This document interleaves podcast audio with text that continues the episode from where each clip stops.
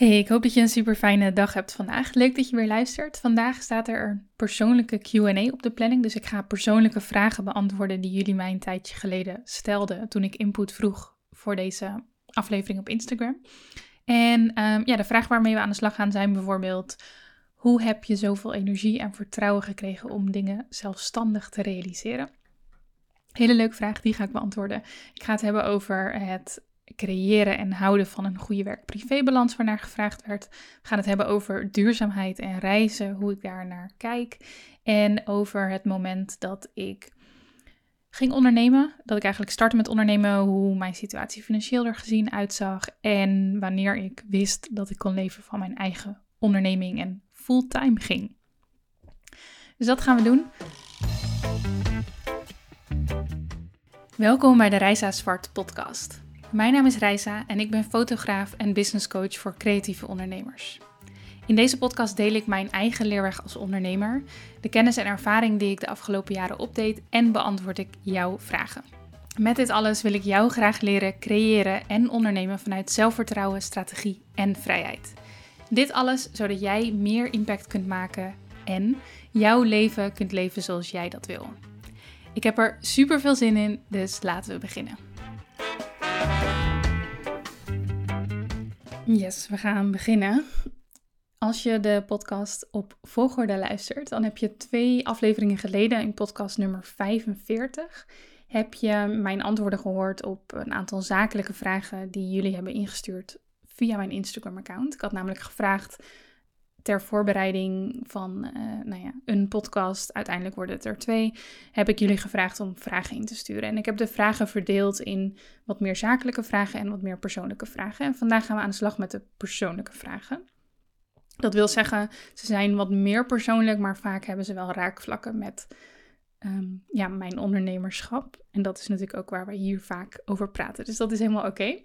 Ik heb er ehm, vooral gewoon heel erg veel zin in. Ik ga de vragen ook maar direct induiken. Um, ja, ik heb er echt zin in. Ik zit goed in mijn vel. Ik heb net lekker gesport. Hele zware crossfit workout achter de rug. Maar um, ja, ik zit nu lekker hier op mijn uh, kantoor in Zandpoort Noord.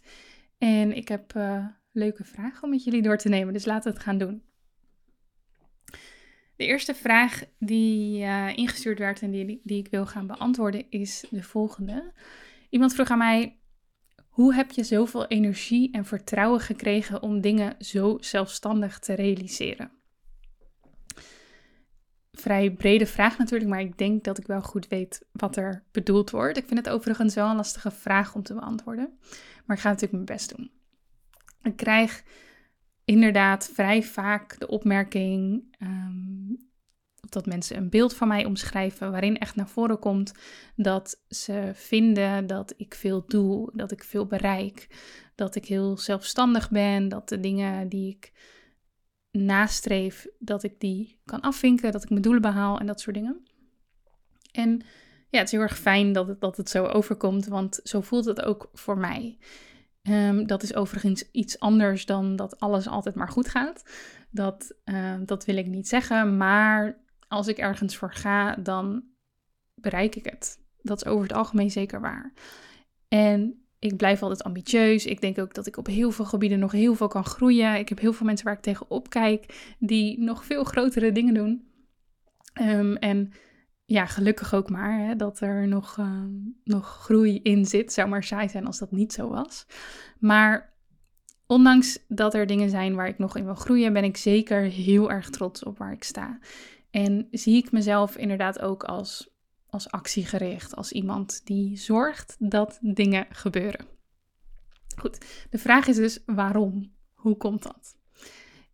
En naar aanleiding van de vraag was ik daar even goed over nadenken en ik denk dat het tweeledig is. Aan de ene kant heb ik echt wel iets in mijn persoonlijkheid wat ervoor zorgt dat ik heel erg actiegericht ben, dat ik een hoog verantwoordelijkheidsgevoel heb. Um, ik ga daar zo uh, wat dieper op in. En aan de andere kant is het ook echt aangeleerd en heb ik gewoon leren strategisch plannen eigenlijk. Leren kijken naar wat wil ik, wat is mijn koers, welke acties horen daarbij en hoe ga ik die uitvoeren. En de combinatie van die twee, dus echt een intrinsieke, diepe motivatie. En nadenken over waar ik heen wil en hoe ik dat dan ga doen en daar tijd voor nemen. Dat zorgt er uiteindelijk voor dat ik de resultaten behaal die ik graag wil behalen. Goed, we beginnen bij dat stukje persoonlijkheid. Ehm, als ik terugkijk op mijn uh, nog jongere jaren, um, als ik terugkijk naar zeg maar mijn leven tot nu toe, dan is het heel erg waar dat altijd wanneer ik iets wilde, dan dat ik daar eigenlijk heel veel voor deed. Um, eigenlijk als ik iets wil, dan wil ik het liefst dat het gisteren al gedaan is of dat ik het af heb kunnen vinken. Dus ik heb heel veel doorzettingsvermogen. Um, ben altijd heel erg gemotiveerd en als ik ergens voor ga, dan ga ik er ook echt voor. Ik, um, ik, ik kan me een moment herinneren en dit is een, een heel specifiek voorbeeld, maar ik denk wel dat het ja, goed schetst hoe mijn, uh, mijn brein een beetje werkt. Um, toen ik, ik denk ja, zo'n 13 à 14 jaar was, weet ik nog dat ik um, in een, uh, een soort van rommelkast bij mijn ouders een beetje aan het kijken was. En dat ik een digitale camera vond. En ik had die camera nog nooit gezien. Um, ja, dus ik keek daar een beetje naar. Ik, ik, vond het op een of andere manier wel interessant. En ik vroeg aan mijn vader of ik die camera mocht hebben. Want het lag daar als een soort van rommel. Dus ik dacht, nou, blijkbaar gebruikt niemand deze. Leek me leuk om daar iets mee te doen. Dus ik vroeg of ik hem mocht hebben. Volgens mij had mijn vader hem een keer via zijn werk gehad of iets dergelijks, vertelde die. En hij zei dat hij hem eigenlijk nooit werkend had gekregen. Dus de camera kon wel aan, maar het was nooit gelukt om de foto's van de camera af te krijgen. De computer maakte geen connectie met de camera of iets dergelijks, dus je kon de beelden er niet afhalen. Dus je kon er eigenlijk niks mee. Goed om te weten is het volgende. Mijn vader is IT'er gek op elektronica van alle soorten. Hij filmde vroeger, hij fotografeerde vroeger. Ehm, hij is dus echt wel handig met elektronica en computers, maar het was hem gewoon niet gelukt. En die camera was blijkbaar ergens op een hoop land en was nooit meer naar omgekeken. En hij gaf mij een soort van uitdaging. Hij zei: Je mag deze camera hebben als je hem werkend krijgt. Nou, vond ik een uh, mooie uitdaging. Dus ik uh, naar mijn kamer met die, met die camera en uh, in, in de weer met... ja, volgens mij zat er niet eens een SD-kaartje in, een soort van interne geheugen. Het was echt, het was echt niet een hele boeiende camera, maar daar gaat het niet om. Um, ik ga aan de slag met die camera en mijn computer. De hele dag zitten proberen, gegoogeld, dingen geïnstalleerd, verschillende kabels geprobeerd, geen idee. De hele dag volgens mij aan besteed. Maar het lukte ik kon de beelden van de camera afkrijgen. Dus ik ging naar mijn vader trots laten zien dat het was gelukt en ik mocht die camera hebben. Mijn vader overigens super trots en dat aan iedereen vertellen, maar dat is een ander verhaal. Um, ik denk dat heel veel mensen, heel veel kinderen, al lang hadden opgegeven en hadden gedacht, joh, dan toch lekker niet. Ik gooi die camera weer op de rommelhoop of ik gooi hem weg. Deze werkt niet, het zal wel ik ben degene die dan dus doorgaat en die zegt: Ja, maar ik wil dat dit werkt, dus het gaat werken. Nou ja, en meestal werkt dat in mijn voordeel en kom ik dan ook echt ergens. Andere momenten uit mijn jeugd die ik herinner is dat als ik iets heel erg graag wilde hebben en er het geld niet voor had. Um, mijn ouders die waren heel erg van je moet sparen voor je eigen dingen en eigen dingen kopen, je eigen geld verdienen. Volgens mij begon ik mijn eerste baantje voor echt twee uurtjes in de week. Maar begon ik op mijn dertiende. Uh, op een kantoor van vrienden van mijn ouders, waar ik wat administratief werk kon doen en zo echt super jong. Um, natuurlijk ook helemaal niet wit en dat soort dingen. Maar goed, ik werkte en ik, ik heb op een gegeven moment ook folders gelopen en zo. Ik heb altijd heel veel gewerkt. Zij hebben dat heel erg gestimuleerd. Maar het kwam wel eens voor dat ik niet voldoende geld had voor iets wat ik wilde kopen of wat ik wilde doen. En ik ging dan niet in een slachtofferrol of ik ging niet vragen aan mijn ouders of ze dat konden betalen. Want nou, misschien deed ik dat wel eens, maar dat deden ze gewoon niet. Dus moest ik gaan kijken hoe ik toch kon regelen dat ik dat, dat ding kon kopen of, of een bepaald iets kon doen. Ehm, dus dan ging ik altijd kijken, oké, hoe kan ik nu zo snel mogelijk wel geld verdienen? Of kan ik het misschien lenen van mijn ouders? Kan ik klusjes doen in huis? Kan ik extra uren werken? Ehm, ik, ik, heb ook heel vaak te horen gekregen dat ik een ontzettende onderhandelaar was. Van zowel mijn ouders als um, andere familieleden. Maar ja, hoe dan ook, ik had iets in mijn hoofd en ik ging gewoon regelen dat het gebeurde. En die mindset, dat doorzettingsvermogen, zie ik vandaag de dag zeker in mijn bedrijf ook terug. Maar om het nog het verhaal wat ronder te maken, om nog een ander persoonlijk voorbeeld te geven. Um, ik zie het op het moment ook, ook heel erg binnen het surfen dat ik doe. Als je mij volgt, dan weet je dit waarschijnlijk wel, maar ik uh, doe aan golfsurfen. Zowel in het buitenland, bijvoorbeeld Costa Rica, um, zo, maar ook in, uh, in Nederland, in Wijk aan Zee, um, in Amuiden, Zandvoort, nou, weet je, uh, die hoek. En ik doe dat nu zo'n 2,5 jaar. En voor degene die het niet weten, surfen is een sport waar veel tijd in gaat zitten. Dat is een soort van algemeen bekend.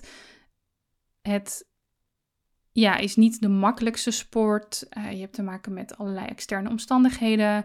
Um, het duurt denk ik ook gewoon lang om er beter in te worden, omdat je heel veel tijd bezig bent met soort van randzaken. Dus de tijd die je echt op je bord staat en met een golf meepakt, dat is eigenlijk maar heel weinig. En voor de rest ben je heel veel aan het peddelen. Um, ja, zorgen dat je op het juiste punt kan komen waar je een golf kunt pakken. Uh, dan ga je golven proberen te pakken. Die lukken niet allemaal. Sommige lukken en op het begin val je heel veel. Dus je bent heel veel bezig om eigenlijk telkens maar een aantal seconden op je bord te staan. Zeker in Nederland, omdat de golven niet heel breed zijn. Dus je ook snel weer een soort van mm, klaar bent en weer door moet naar de volgende golf of weer terug moet peddelen. Um, het is overigens heel erg waard hoor. Het is echt ontzettend genieten. Gewoon sowieso om in het water te zijn. En dat moment dat je op je bord staat, is al die moeite waard. Op een of andere gekke manier, maar het is zo. Um, maar het staat algemeen bekend als een sport waar veel uren in moet voordat je het een beetje kan. Um, laat het je niet tegenhouden. Het is enorm tof. Maar ja, er gaat veel tijd in zitten. En ik denk zelf dat ik echt absoluut geen natuurtalent ben ook. Het geldt overigens voor de meeste sporten. De meeste sporten kosten mij wel wat moeite om zeg maar beter in te worden. Ik hou heel erg van sporten. Ik sport heel veel. En ik voel me ook gewoon ontzettend goed als ik dat doe. Maar ik, ja, ik ben niet snel de beste van de klas, zeg maar. En dat is ook oké. Ehm, ik ben wel degene die doorgaat en die blijft pushen en die de uren erin stopt.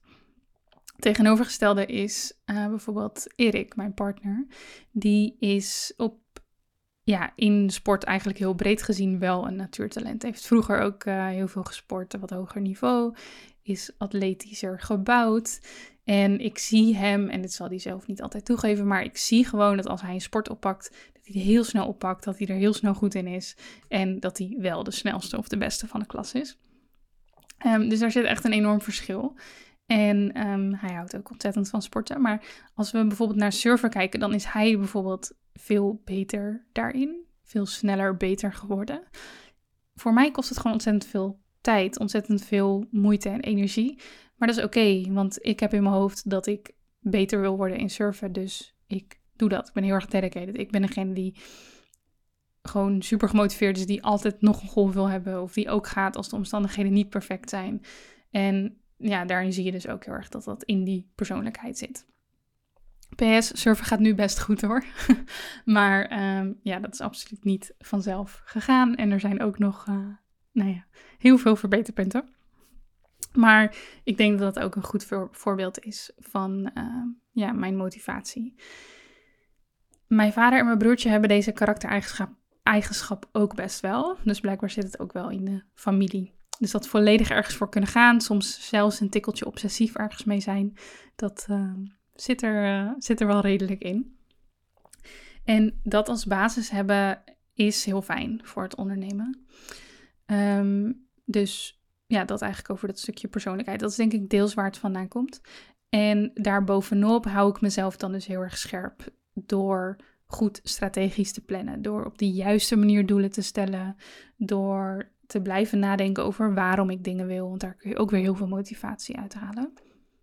Samenvattend kun je denk ik zeggen dat ik doorga waar anderen opgeven. En dat ik zorg dat ik mijn richting goed bewaak. Zodat ik dus ook echt weet dat ik de juiste acties onderneem om toe te, om toe te werken naar de resultaten die ik wil behalen. Nou, is dat dan allemaal, allemaal maar fijn en goed en geweldig?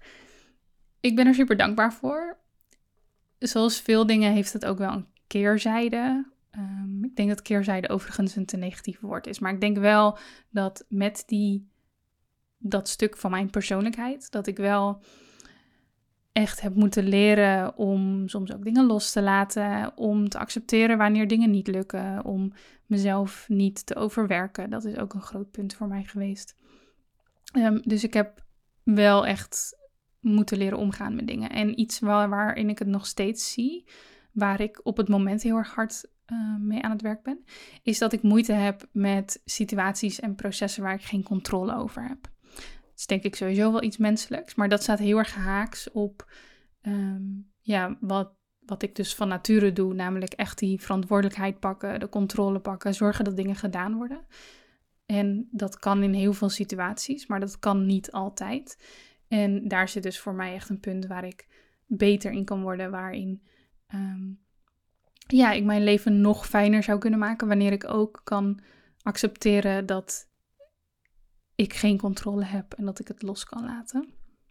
Dat kan overigens van alles zijn. Dat kan gaan over zakelijke tegenvallers buiten mijn controle. Uh, het gaat ook over bijvoorbeeld toen coronapandemie begon, dat ik net als heel veel mensen waarschijnlijk, hè, dit, is, dit is absoluut niet uniek, maar dat ik het zo moeilijk vond dat ik geen controle had. Of dat er, ja, weet je, dat er werk wegviel, dat uh, ik ingeperkt werd in mijn vrijheid, dat allerlei plannen niet door konden gaan.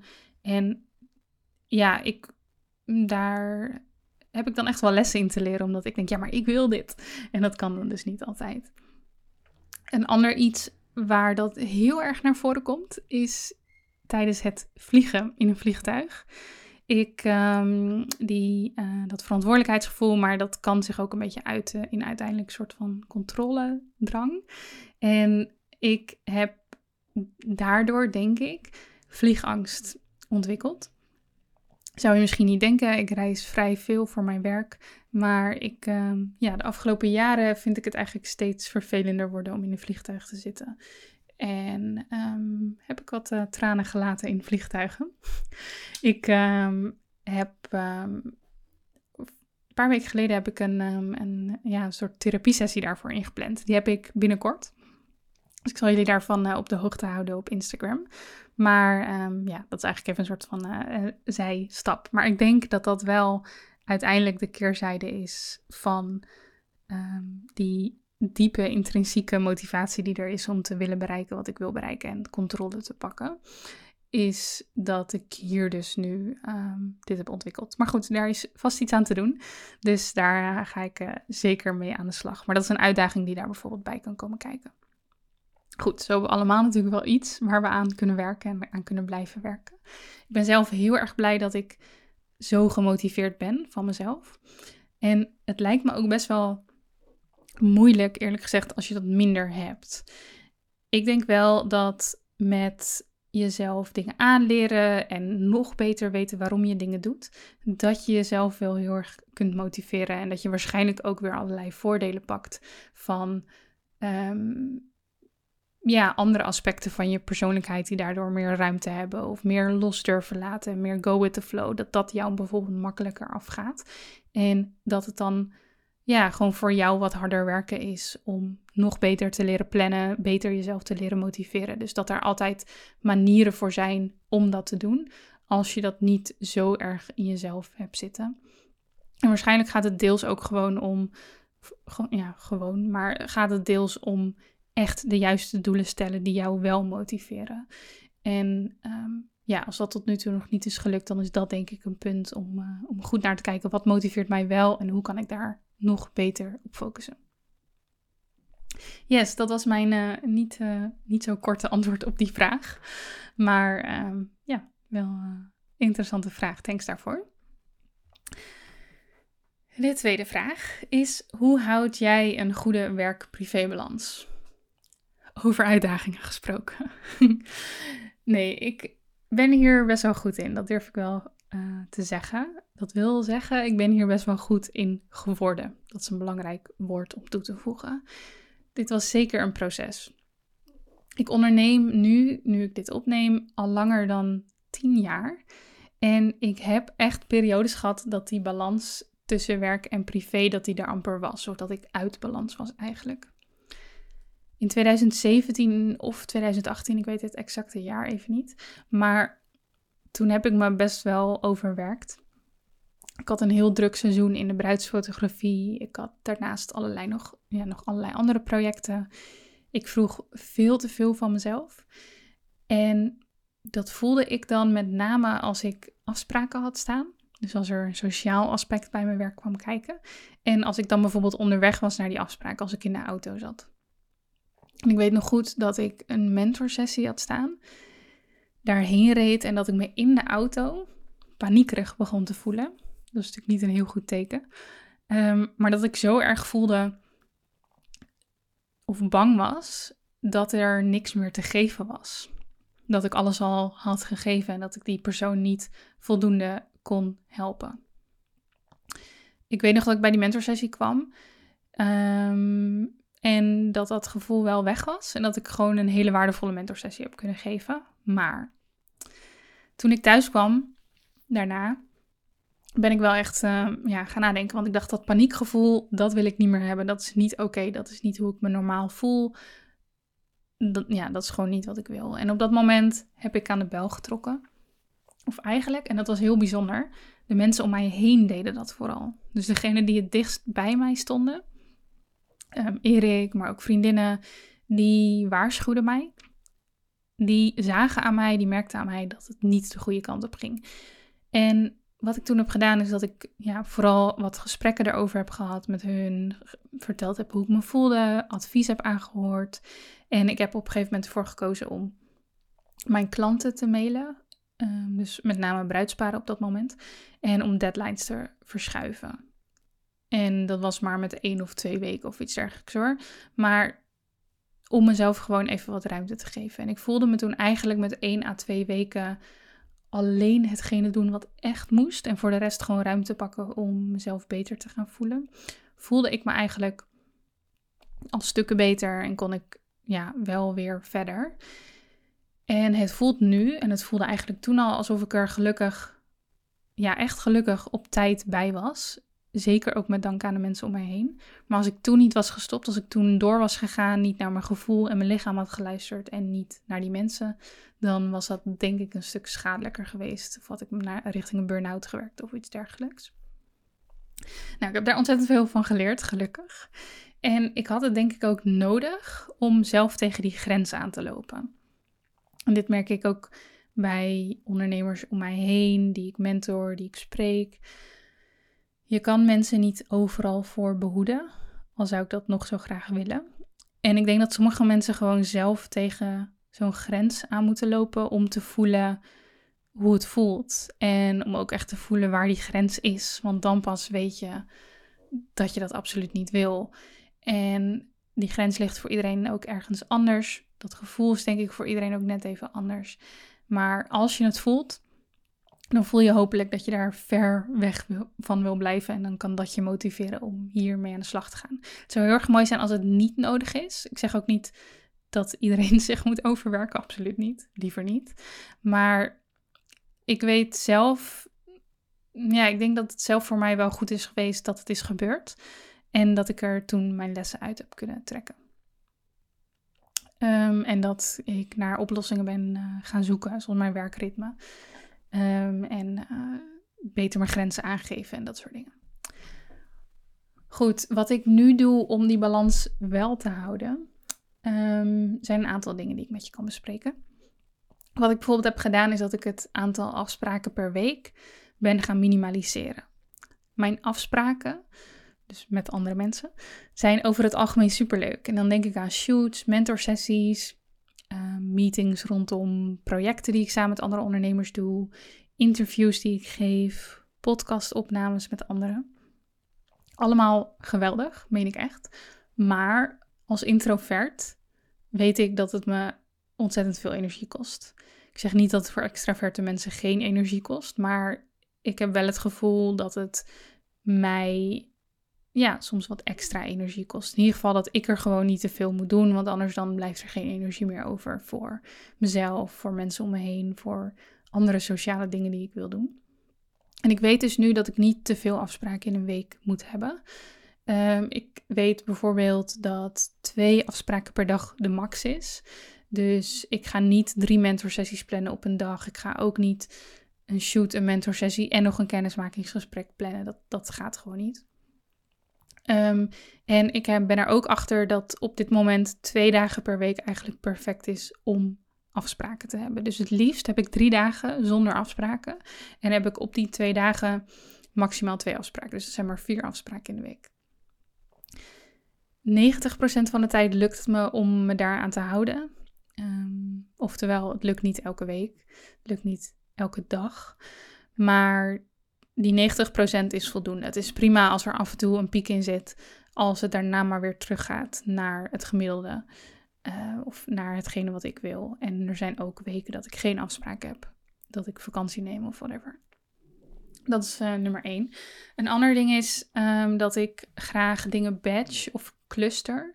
Dus dat ik eigenlijk zorg dat ik niet te veel verschillende dingen op één dag wil doen. Dus liever dat ik um, bijvoorbeeld een dag heb waarop ik wat meer fotografie en edit doe en dat ik een andere dag coaching heb, dan dat ik coaching heb, maar ook nog wil editen en ook nog dit wil doen. Dat switchen tussen taken en tussen eigenlijk soort van petten die je op hebt, kost ook gewoon energie. Dus dat vermijd ik ook zoveel mogelijk. En dat doe ik bijvoorbeeld door te werken met themadagen.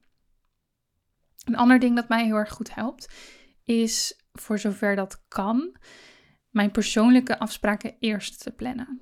Oftewel, ik laat niet mijn agenda vollopen en kijk dan nog wanneer ik kan sporten, wandelen, vrij kan nemen, uh, sociale dingen kan plannen. Maar ik doe het andersom. Vrije dagen of weken plan ik soms maanden vooruit. Mm, en niet per se van, oh, ik neem vakantie en ik ga op reis. Maar meer gewoon van, oké, ik zie dat Ehm, en zeker met bruidsfotografie kan ik dat redelijk vooruit plannen. Stel ik zie dat ik in een bepaalde maand gewoon best veel te doen ga hebben. Dan weet ik, oké, dan moet ik daarna zeker een week vrij plannen of twee weken vrij plannen of iets in die trant. Of ik wil daar per se een vrij weekend, omdat door de week al wat dingen staan. Dus ik probeer mezelf daar heel erg in te beschermen. En ik plan dat vooruit. Mijn idee daarin is dat ik het altijd nog kan schuiven. Dus stel er komt echt een once in a lifetime opportunity voorbij of er verschuift iets, dan kan ik altijd nog mijn dagen en weken verschuiven. Maar het is mijn doel om ze niet uit de agenda te halen en ook niet maanden ver te verschuiven. Dus daardoor um, ja, maak ik het eigenlijk een prioriteit om tijd voor mezelf te pakken.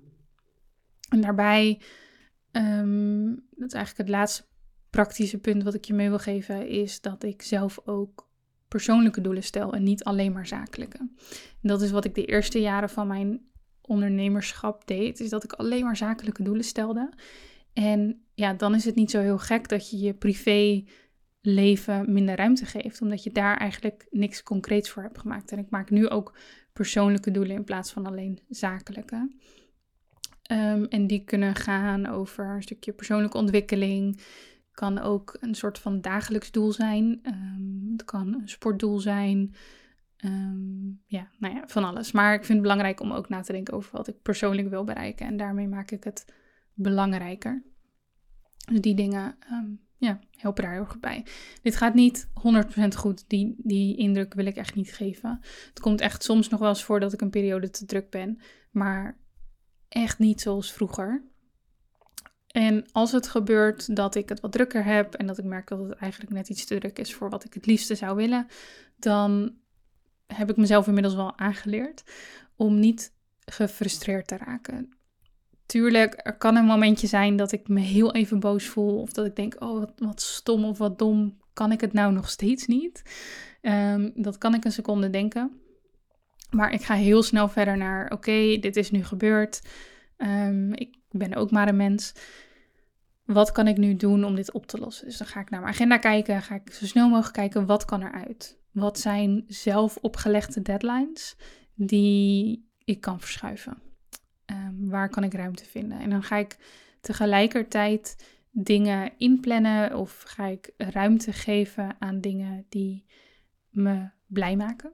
En die wel juist persoonlijk zijn in plaats van zakelijk. Dus ik focus dan juist, als ik het druk heb, meer op tijd voor mezelf pakken. Dus ik ga meer wandelen.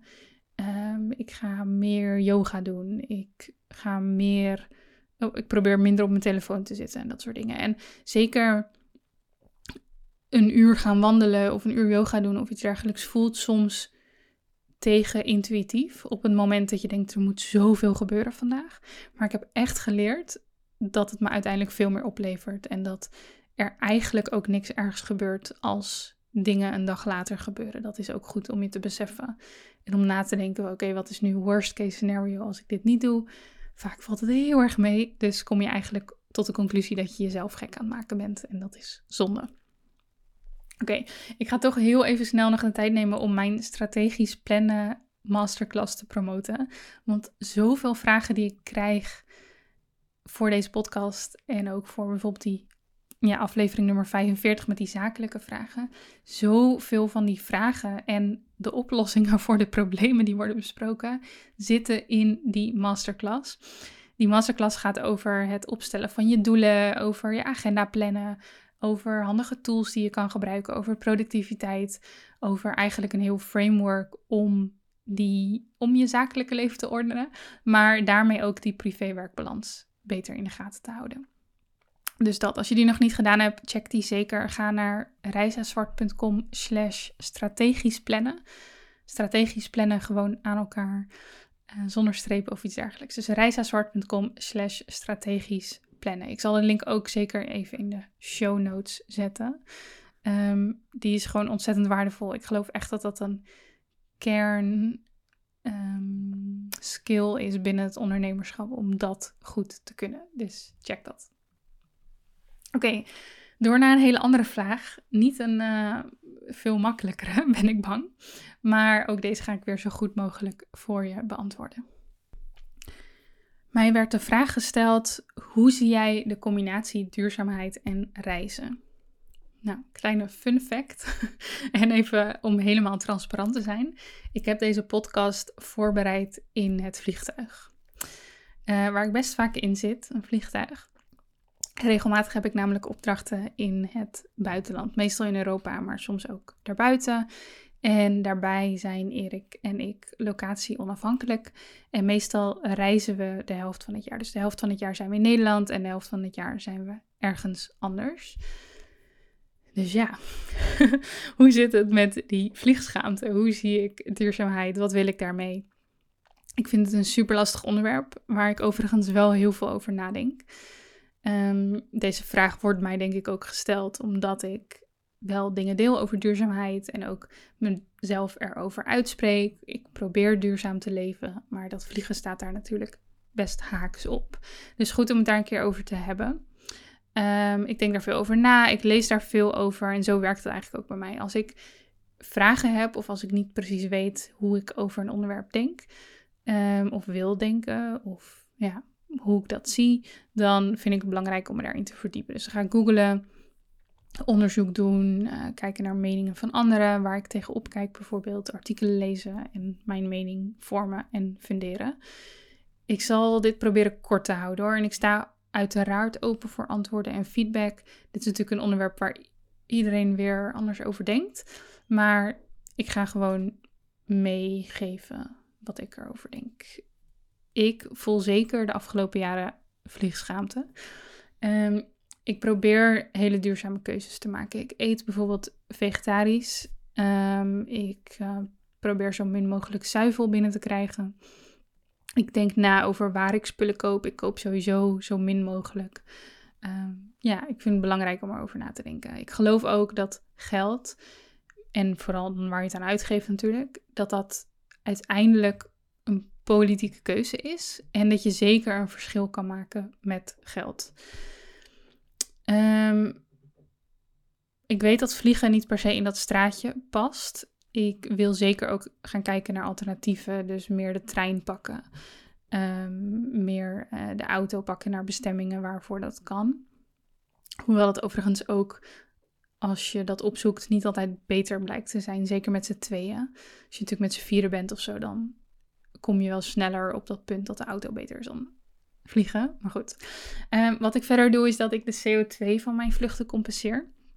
Dus wanneer ik een vlucht maak, dan uh, kijk ik bij Trees for All. Dat is een hele fijne organisatie. Kijk ik wat de uitstoot is um, per persoon, zeg maar. En dan plant ik bomen ter compensatie daarvan. Die bomen worden dan geplant in Nederland en in een partnerland. Soms is dat Costa Rica, Mexico, um, kan van alles zijn. Volgens mij voornamelijk Centraal en Midden. Dat is hetzelfde. Volgens mij vooral Centraal en Zuid-Amerika. Um, dat zijn de dingen die ik doe. Is dat voldoende? Misschien niet. Ik denk wel dat als iedereen die CO2 zou compenseren, of in ieder geval mensen die dat kunnen, dat ze dat zouden doen, dat we al een stukje verder zijn. Die bomen die zijn beschermd. Bomen, um, ja, vergroening van de aarde kan echt, echt een impact maken. Dat geloof ik echt. En iets anders wat ik zelf doe, um, is dat ik focus op slow travel. En um, ik maak privé eigenlijk heel weinig tot geen korte reizen. Maar ik probeer wel langer ergens te zijn. En ik heb die vrijheid natuurlijk ook opgebouwd om dat te doen. Um, dus als ik het heb over zes maanden reizen in de winter, dan um, zijn we niet aan het hoppen van het ene naar het andere land. Maar proberen we echt langere tijd ergens te zijn. Soms zelfs ja, drie tot zes maanden op dezelfde plek. Um, en dan probeer ik nog in het land zelf keuzes te maken die heel erg bewust zijn.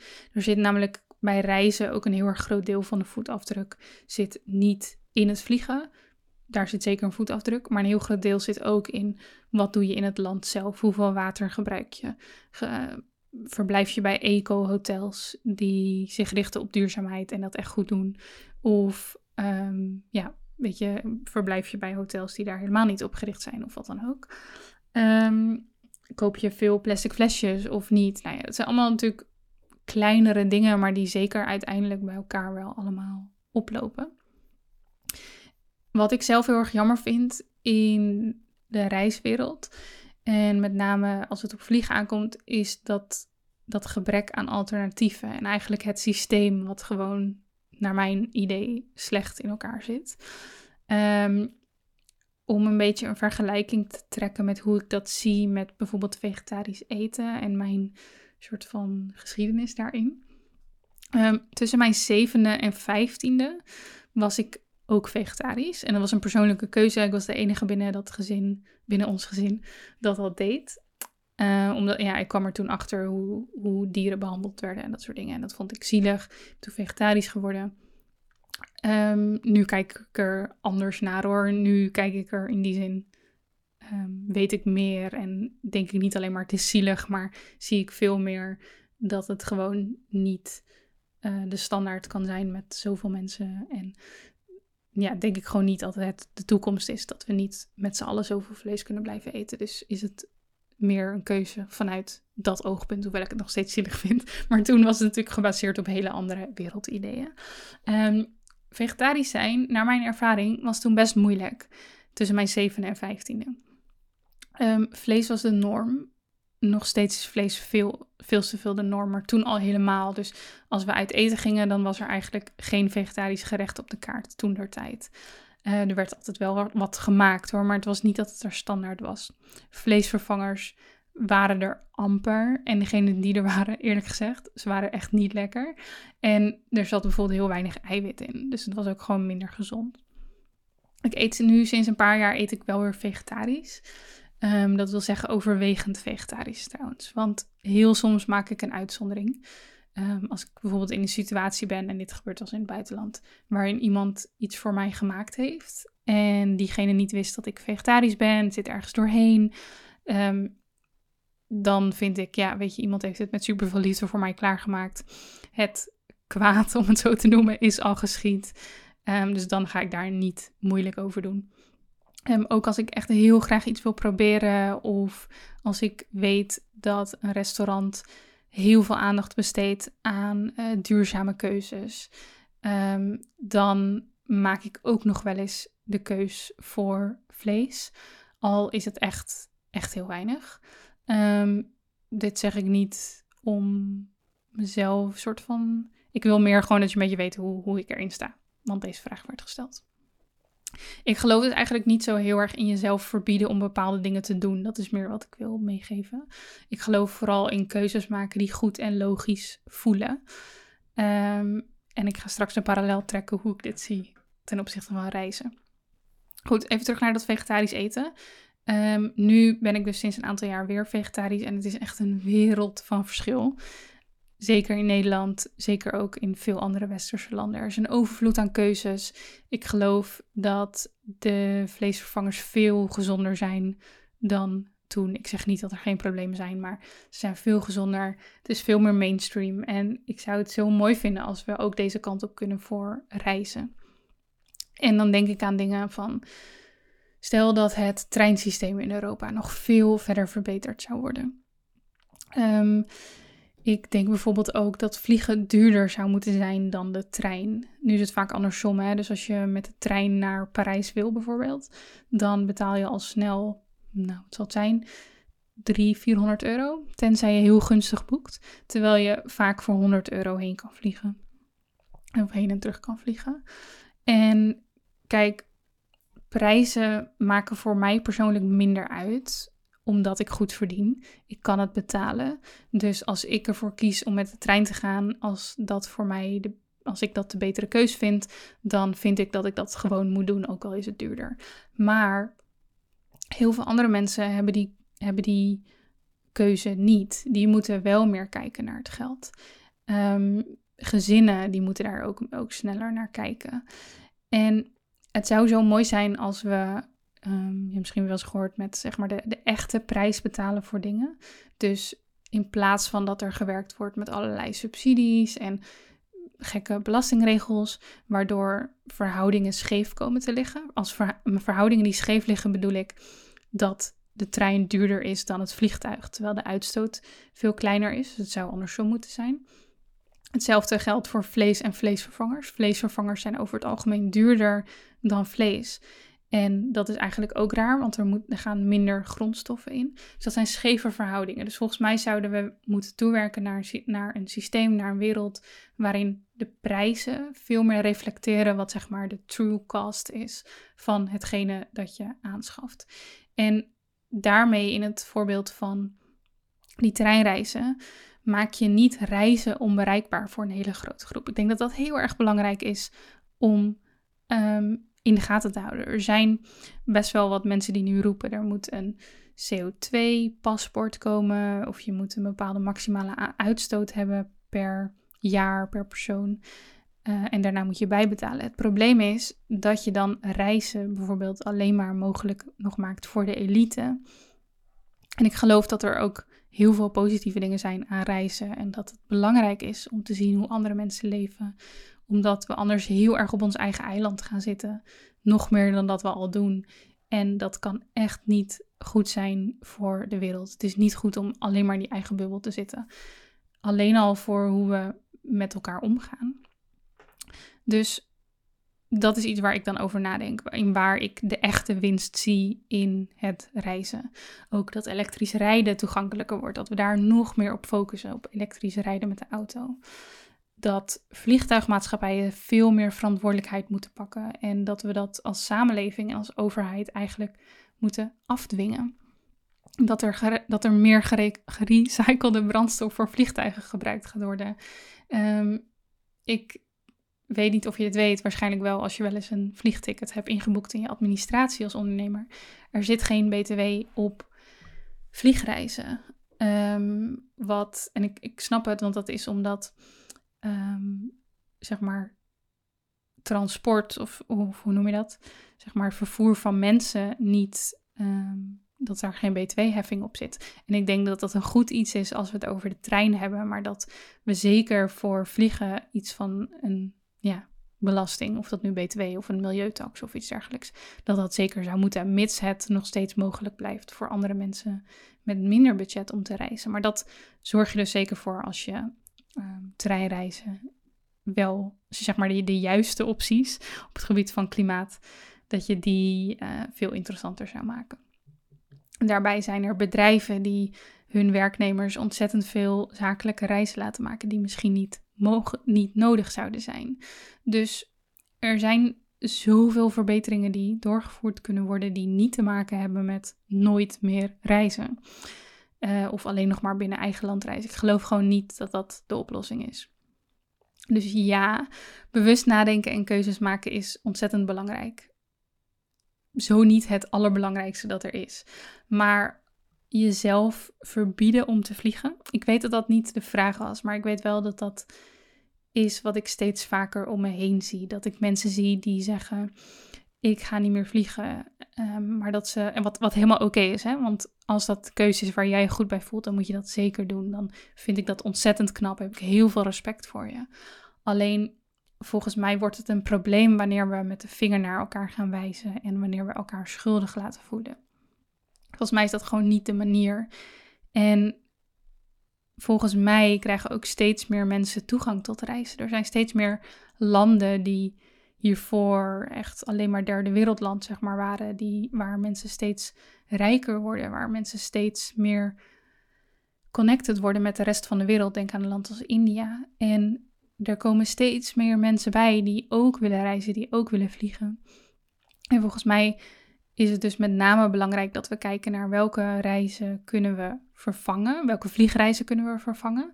Dat we absoluut die alternatieven, zoals treinreizen, veel gunstiger maken en veel aantrekkelijker. En dat we gaan kijken hoe kunnen we de vliegreizen die wel nodig zijn of die we wel echt willen maken, dat we die veel duurzamer kunnen gaan maken. Juist ook omdat er steeds meer mensen bij zijn die het gaan gebruiken.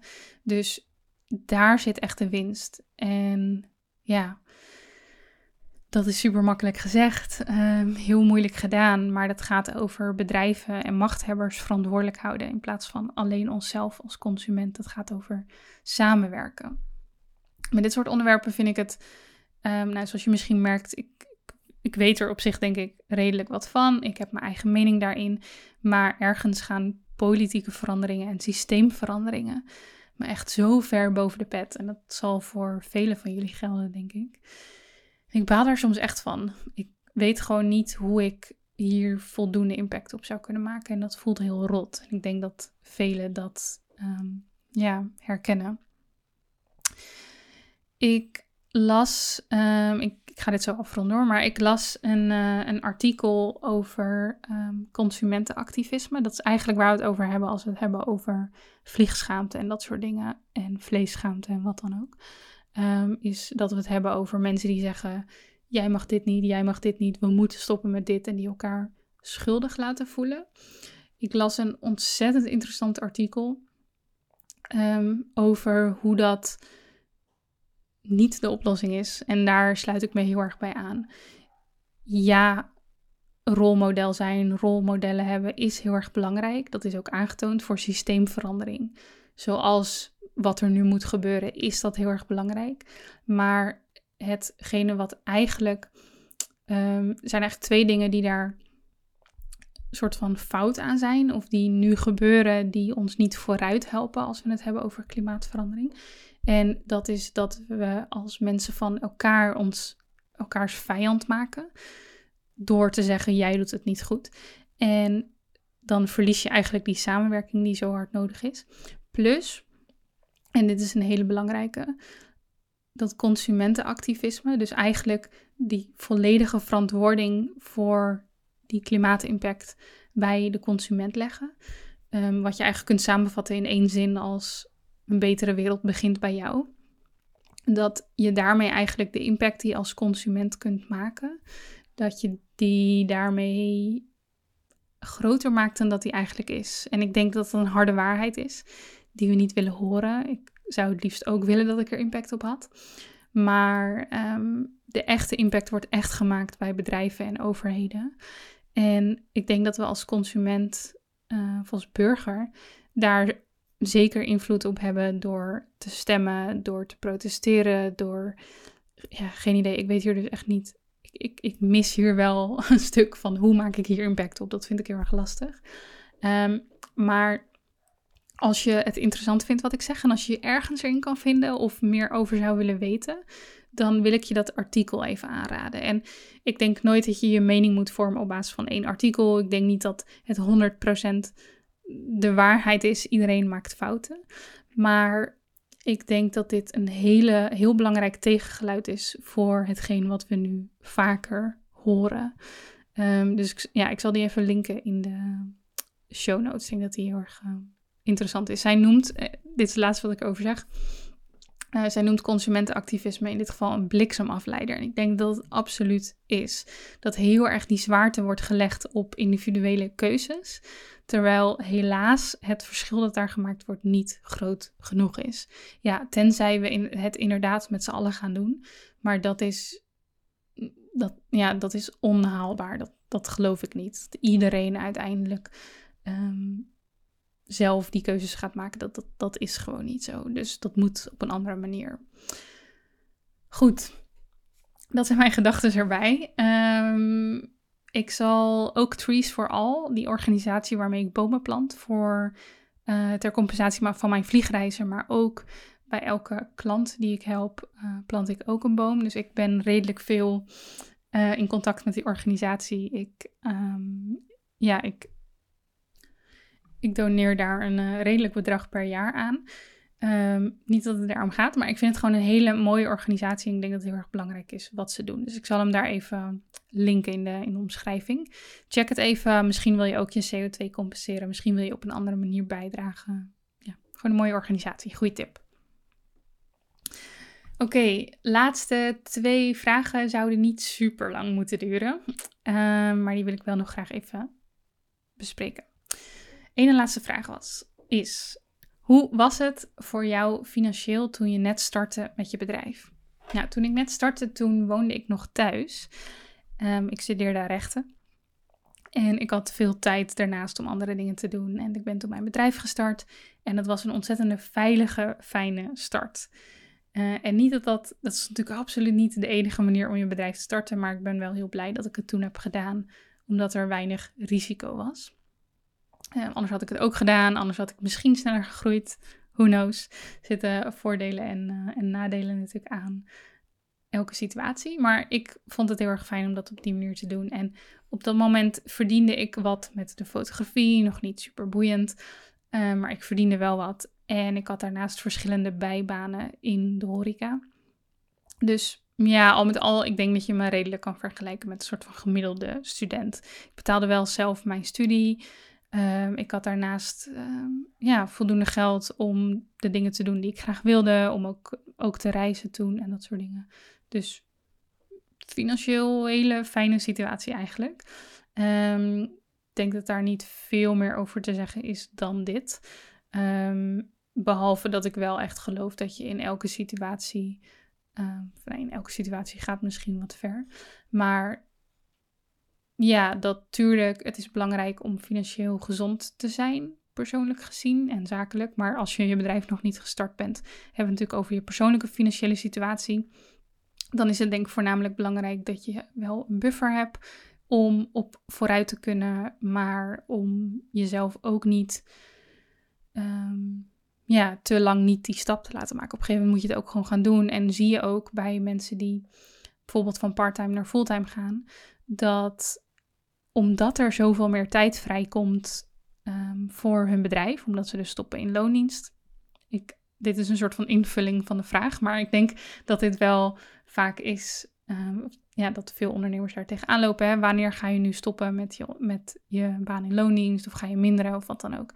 En iedereen moet die keuze uiteindelijk zelf maken. Maar het is in ieder geval goed om te kijken dat je een bepaalde buffer hebt. Dat je niet echt in de financiële problemen komt op korte termijn. Maar juist omdat er meer tijd vrijkomt voor je onderneming. En niet alleen tijd, maar vaak nog veel meer energie. Doordat je iets anders loslaat. Zie je dat de omzet en de winst en jouw salaris daar eigenlijk direct ook in mee gaan groeien. Um, dus hoewel die keuze nog steeds heel spannend kan zijn, hou dat in ieder geval in je achterhoofd. Dat um, ja, er meer ruimte komt om ook meer te gaan verdienen binnen het bedrijf. Dus dat dat hopelijk snel ervoor zorgt dat je niet per se minder gaat verdienen. Dat je in ieder geval jezelf goed kan onderhouden en vanuit daar goed kunt doorgroeien. Tweede vraag heeft hier eigenlijk een beetje mee te maken. Laatste vraag is: wanneer wist je dat je kon leven van je eigen onderneming en ging je fulltime? Um, op het moment dat ik fulltime ging, ik heb dat redelijk lang uitgesteld. Ik heb heel lang, uh, ik had eerst die bijbaan in de horeca. Op een gegeven moment heb ik een marketingbaan gevonden voor 24 uur. Zonder diploma. ik was gestopt met mijn rechtenstudie. En ik heb nooit marketing gestudeerd, maar ik mm, heb er een beetje doorheen gebluft. Mensen bij dat bedrijf zagen iets in me. En ik heb hun uh, denk ik, heel goed kunnen helpen. Dus ik werkte 24 uur bij een um, webshop in designmeubelen. Ik deed daar de marketing. Eerst als marketingmedewerker. Uiteindelijk stuurde ik ook wat mensen aan. Dat deed ik 24 uur. En daarnaast uh, zette ik mijn fotografiebedrijf op. En dat betekende dat ik op een gegeven moment, zeker in mijn bruiloftseizoenen. Dus ik heb volgens mij twee bruiloftseizoenen gedraaid. Dus zeg maar twee jaar mijn onderneming gehad. En daarnaast nog mijn baan in loondienst. En zeker zomers kwam dat erop neer dat ik veel te veel werkte. Dat ik echt wel, ja, laten we zeggen 50 à 60 uur maakte sommige weken. En op een gegeven moment, ik verdiende heel goed in die baan in loondienst. Ik verdiende goed binnen de fotografie. Dus ik had een soort van dubbel maandsalaris. En dat heb ik een aantal maanden gedaan. Dus dat ik echt heel goed verdiende. En toen heb ik daar mijn buffer op gebouwd. En toen heb ik gezegd: Oké, ik ga stoppen bij mijn baan in loondienst. Um, had er ook mee te maken dat ik op dat moment een huis wilde kopen met Erik. Dus ik heb ook mijn baan in loondienst eigenlijk net lang genoeg aangehouden om, die, om dat huis te kopen. Um, want als je natuurlijk net begint met ondernemen, dan is het moeilijk om jouw cijfers mee te laten nemen daarvoor. En Erik kon het ook niet alleen dragen. Dus ik had het even nodig nog dat ik ja, die baan in loondienst kon laten zien om de hypotheek te krijgen.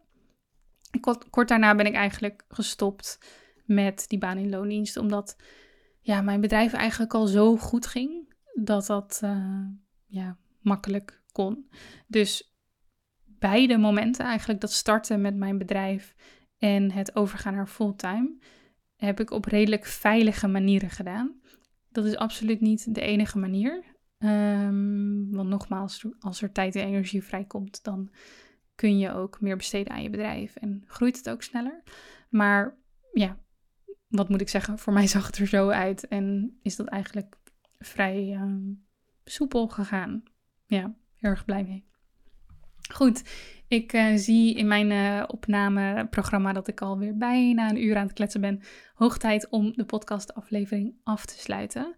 Dus dat ga ik bij deze doen. Ik wil jou weer heel erg bedanken voor je vertrouwen en voor je tijd. Ik hoop dat ik je heb kunnen inspireren of dat ik je iets praktisch heb kunnen meegeven. Dat je er weer veel aan hebt gehad. En ik uh, zou zeggen tot de volgende keer.